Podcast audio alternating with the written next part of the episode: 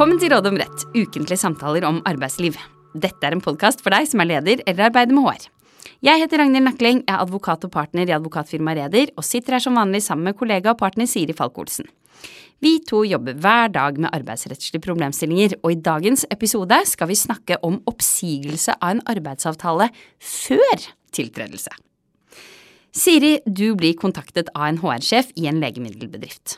Denne bedriften produserer en ny type kreftmedisin som kan vise til veldig gode resultater, og medisinen er nå tatt i bruk på flere store sykehus både i Norge og i utlandet. Legemiddelbedriften har nylig ansatt en kommunikasjonsdirektør som skal gå inn i selskapets ledergruppe. Dette er en nyopprettet stilling hvor hovedansvarsområdet skal være å uttale seg i media på vegne av selskapet, og bidra til å skape synlighet rundt resultatene til den nye kreftmedisinen. Ledergruppen har gledet seg stort til å få på plass den nye kommunikasjonsdirektøren, som ble ansatt etter en lengre headhunting-prosess. Men så har det vist seg at rekrutteringsbyrået de gjorde ikke en god nok jobb med bakgrunnssjekken. HR-sjefen er opprørt. Hun har akkurat fått vite at den nye kommunikasjonsdirektøren, som snart skal tiltre, har en forhistorie som aktiv meningsytrer i ulike sosiale medier. Han har blant annet kommet med uttalelser på Twitter om at han er en forkjemper for alternativ medisin, healing, og han er en uttalt vaksineskeptiker. I tillegg viser det seg at han gjennom flere år har vært en aktiv deltaker i det som HR-sjefen beskriver som mer eller mindre tvilsomme debattfora på nettet. Her har han aktivt oppfordret kreftpasienter til å prøve healing og krystaller for å bekjempe kreft. Han har lagt ut lenker til helbredende krystaller som kan kjøpes for stive priser, også på hans egen hjemmeside. Etter at dette ble avdekket, har det vært interne diskusjoner i ledergruppen. Administrerende direktør har gitt HR-sjefen en tydelig beskjed om at dette må hun fikse opp i. Denne personen skal ikke begynne i selskapet.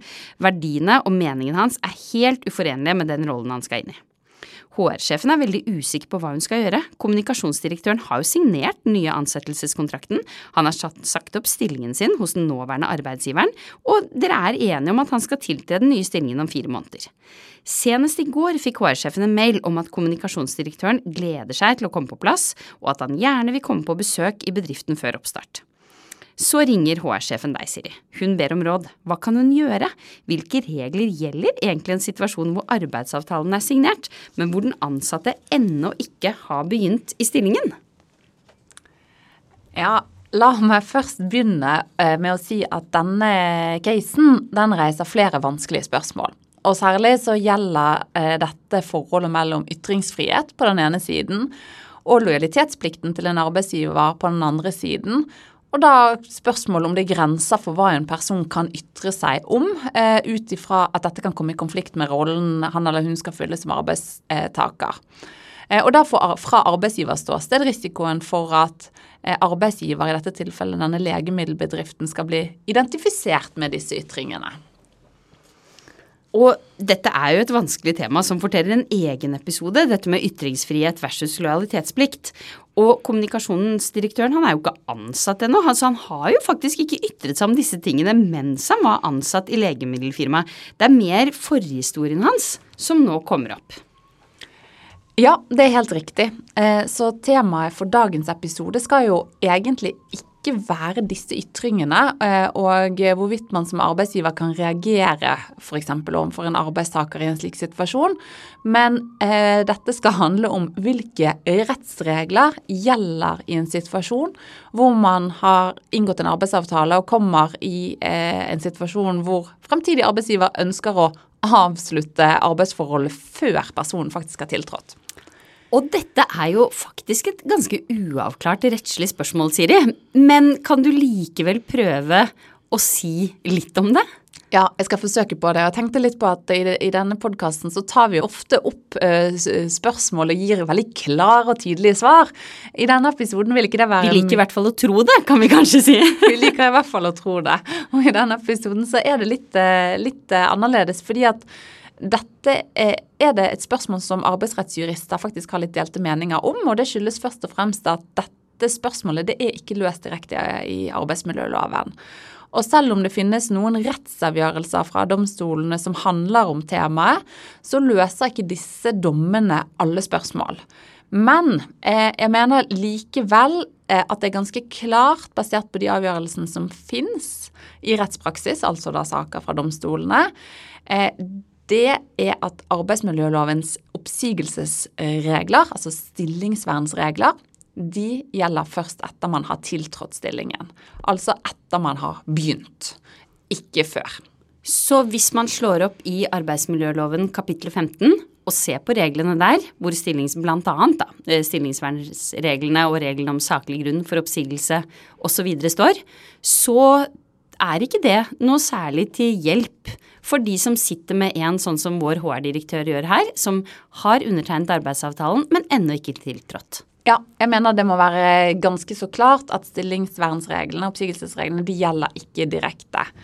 Eh, det finnes noen avgjørelser fra domstolene hvor dette utgangspunktet på et vis er blitt etablert. Og så er det viktig å si at det betyr nok ikke at arbeidsmiljølovens kapittel 15 eller arbeidsmiljølovens oppsigelsesregler er uten betydning mm. eh, eh, i en situasjon som oppstår før tiltredelse. Eh, men etter at avtalen er inngått, sånn som vi har snakket om her. Men det skal jeg komme litt nærmere tilbake igjen til.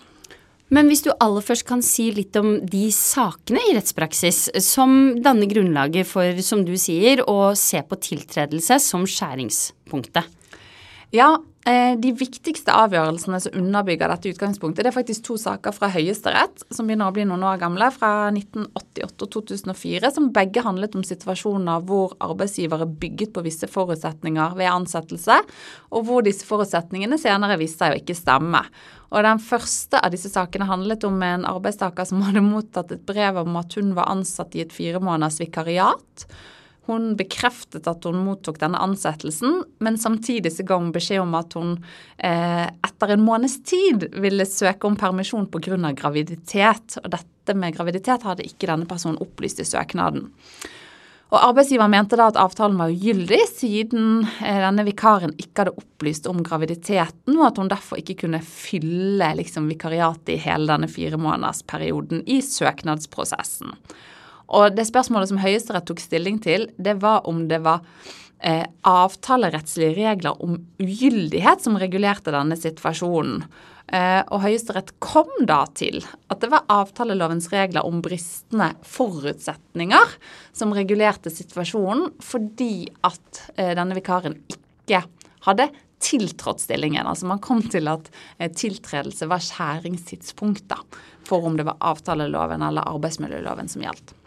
Og så skal det vel også sies at når vi leser denne dommen som er fra 1988, så er det jo noen av vurderingene der som vi vel begge tenker at ikke hadde stått seg i dag. Hvor det er et diskrimineringsvern overfor gravide i likestillings- og diskrimineringsloven, som jo innebærer at opplysning om graviditet det er ikke noe som arbeidsgivere kan kreve å få eller mygge på når de treffer noen avgjørelser.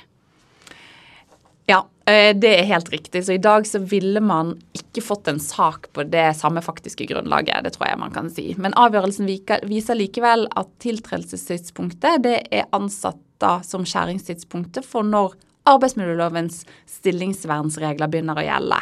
Og det er altså da ikke fra arbeidsavtalen inngås. Men så var det en annen avgjørelse som du også trakk frem fra 2004. Hva gjaldt den? Ja, det var også en annen sak. Det handlet om en mann eh, som var blitt fast ansatt som allmennlærer ved en Oslo-skole. Senere så viste det seg at eh, han ikke oppfylte de formelle kravene for stillingen. Eh, dette skyldtes en feil eller misforståelse i forbindelse med utfylling av søknadsskjemaet, og det var for så vidt enighet om at eh, kanskje ingen var bebreide, og man var også enige om at han ikke var blitt ansatt hvis skolen hadde visst at læreren ikke oppfylte det formelle kravet til da, tilleggsprøve i norsk. Eh, og saken gjaldt da eh, spørsmålet om arbeidsforholdet måtte bringes til opphør etter arbeidsmiljølovens regler, eller om det var tilstrekkelig å hevde da avtalerettslig ugyldighet, som det heter. Og hva sa Høyesterett om det?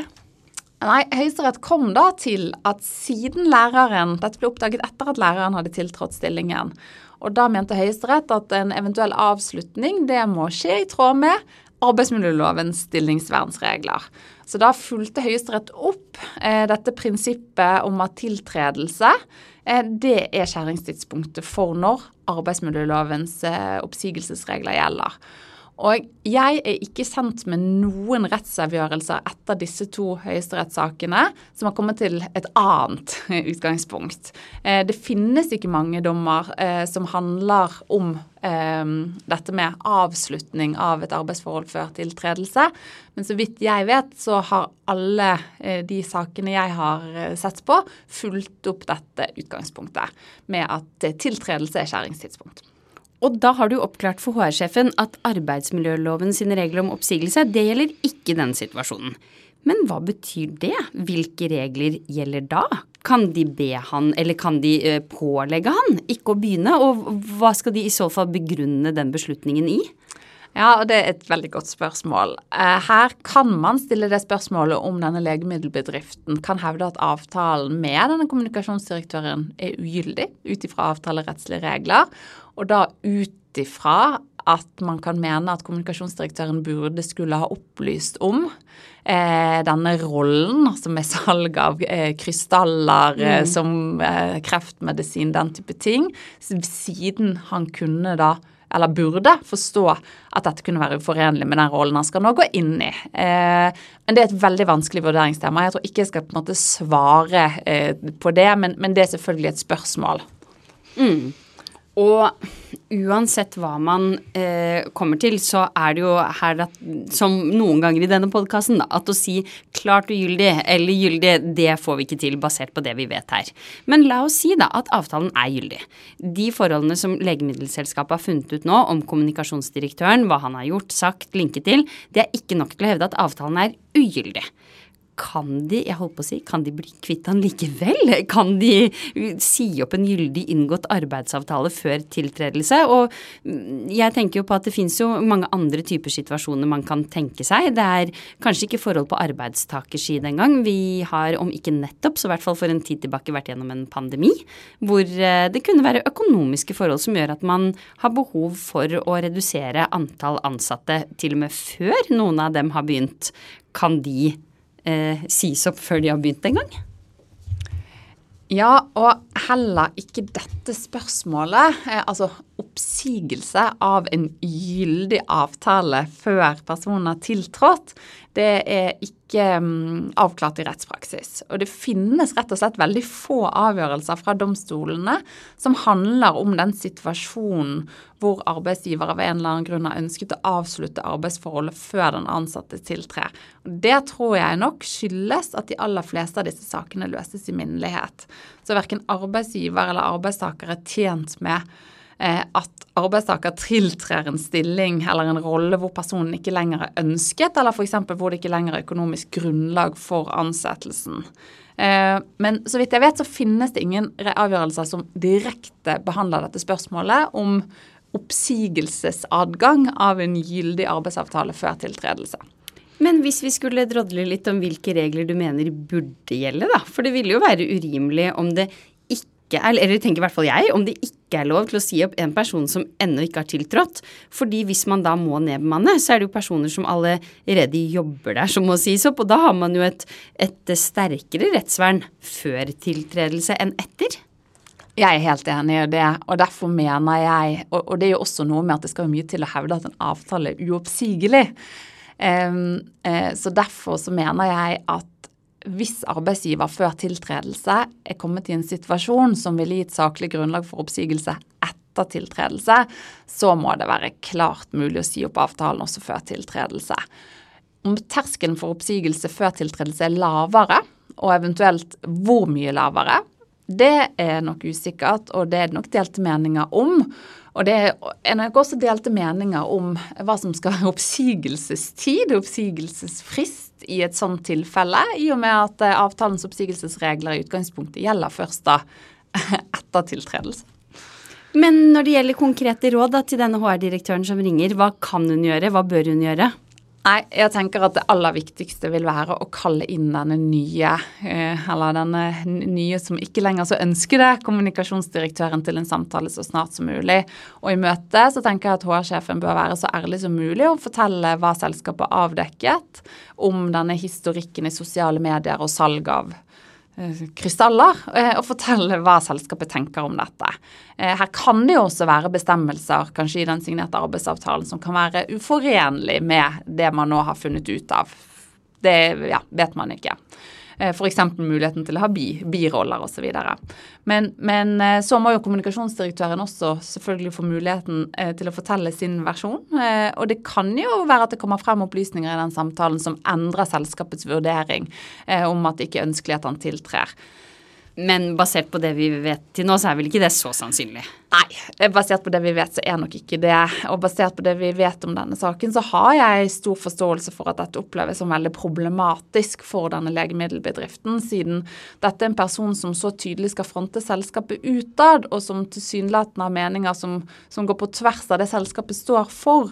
Så i en sånn situasjon så ville nok jeg forsøkt å komme til enighet med denne kommunikasjonsdirektør om at han ikke skal begynne likevel.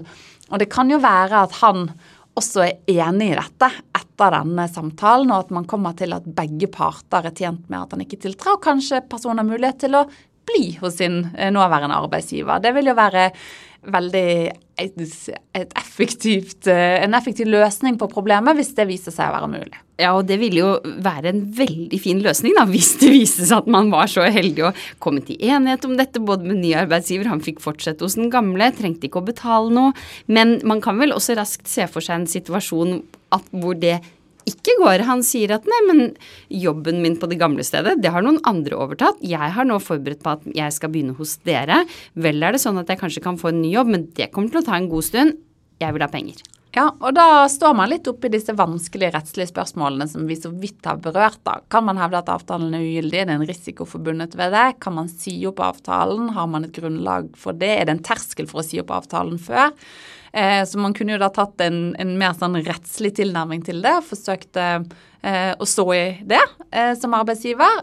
Hvis ikke så er det jo også her mulighet til å bli enig om en minnelig løsning som kanskje kan innebære at man ut ifra menneskelige hensyn betaler kanskje lønn i en mindre, kortere periode mens denne personen da søker å finne ny jobb. Eh, og min erfaring er at man ofte kommer til enighet i denne type saker. Jeg har vært involvert i den type saker flere ganger. Eh, og så må jeg også understreke at det er uavklart hvilke rettslige regler som gjelder i denne perioden før tiltredelse. Sånn at det er ingen som kan kreve Altså, det er vanskelig med det rettskildebildet man har i dag, å hevde at man er forpliktet til å betale noe, for å si det sånn. Så sånn sett, så, som advokater kunne vel nesten både du og jeg, Siri, håpet på at en av disse tok det videre, sånn at man fikk noen rettslige avklaringer. Jeg tenker at her er det, er det, mange uavklarte spørsmål som jeg tror at hadde vært eh, fra et eh, arbeidsrettsadvokatståsted morsomt om domstolen eh, så på. Som vanlig, Siri, tre avsluttende tips eller oppsummerende råd ja, for det første så mener at, jeg, at basert på avgjørelsen som finnes fra domstolene, så må det kunne legges til grunn at arbeidsmiljølovens eh, stillingsvernsregler, skjæringstidspunktet for når de begynner å gjelde, det er ved tiltredelse. Eh, før tiltredelse så kan det i noen tilfeller være grunnlag for å hevde eh, at arbeidsavtalen er ugyldig ut ifra avtalelovens eh, ugyldighetsregler. Og hvis det ikke er grunnlag for å hevde ugyldighet, så mener jeg at arbeidsavtaler også må kunne sies opp før tiltredelse, men at det er en viss usikkerhet om hva som i så fall er terskelen for oppsigelse. Uansett så er det et veldig godt råd å kontakte hvis man kommer i en sånn situasjon, kontakte personen som skal tiltre stillingen så raskt som mulig, og se om det er mulig å komme fram til en minnelig avtale om at han eller hun ikke tiltrer likevel. For det vil ofte begge parter da være tjent med. Det var det vi hadde. Vi kommer tilbake med nytt tema og nye tips i neste episode.